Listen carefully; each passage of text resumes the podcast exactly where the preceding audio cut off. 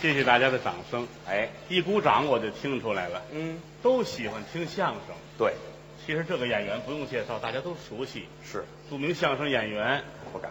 于谦，哎，说得好啊你客气。啊，说学逗唱样样精通，嗨，人称叫小何云伟。嗯啊，谁说的？啊，小何云伟，我还有辈儿没辈儿了？小小曹云金，哎，对，更低了这个。不知怎么夸您，呵人非常的好，您捧了。人也善良也诚实，嗨，从来不蒙人不骗人。我不说瞎话，有这么一个词儿叫忽悠，你听说过吗？这是东北传过来的词。东北方言，对，说你净忽悠人，我啊，这里边有褒义，也有贬义，是有吗闹着玩的成分在里边。哎，开玩笑。说相声之间难免要开玩笑，对，也备不住有忽悠的现象。哎，这很正常。开个玩笑无伤大雅，但是嗯别开太大的玩笑。哎，太过了不好于老师开车走在高速上，啊。呜，开的这快呀！啊我开车旁边那车就指着他，哎哎哎哎哎哎！啊，于老师吓坏了，赶紧停下来吧。是，下来一瞧，嗯，车没事儿，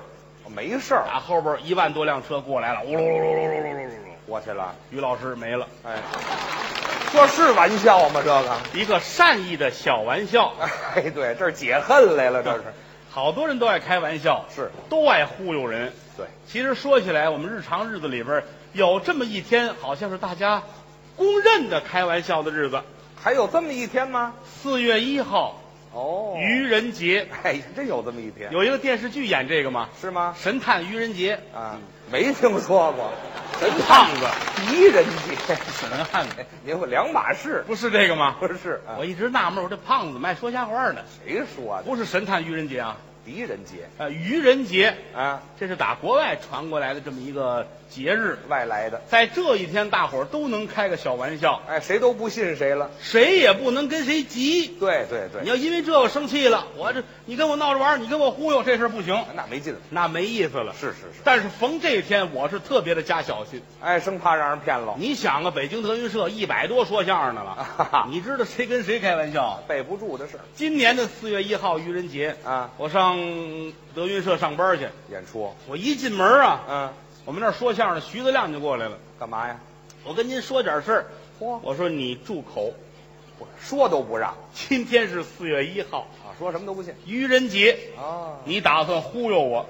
哎，你说什么我都不信，他说了没有啊？你骗我！啊，他乐了，啊您您听我说，哦哦于谦呐是一个好人，哦你骗我！哎，这没有，没骗 你。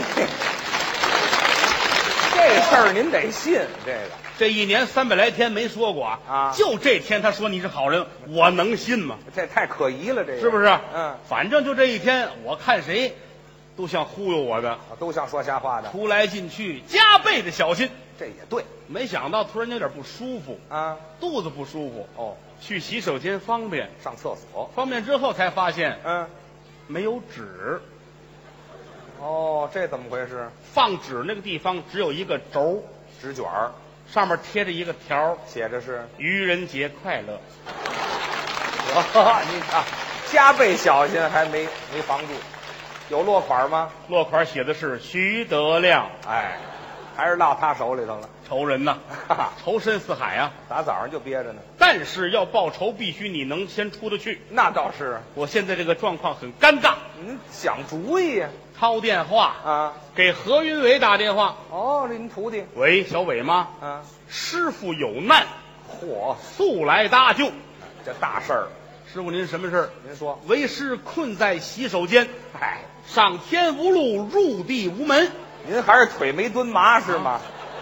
您赶紧说这事儿吧我。有家难奔， 有国难投。行了，你送点儿手指来。哎，就这就对了何云伟乐了哎啊！啊。呵，你们来这套，啊这四月一号愚人哎节，呀，嗨， 你骗我啊不！信，挂了，这怎么办？还得想主意啊。我在思考。哦，曹云金，啊，二徒弟，喂，金子，我是师傅对。呃，我跟你说呀，啊现在师傅有点事儿，哦我被困厕所对啊。你看你能不能给我送点纸来？哎，这回是急了您别来这套啊。 哈！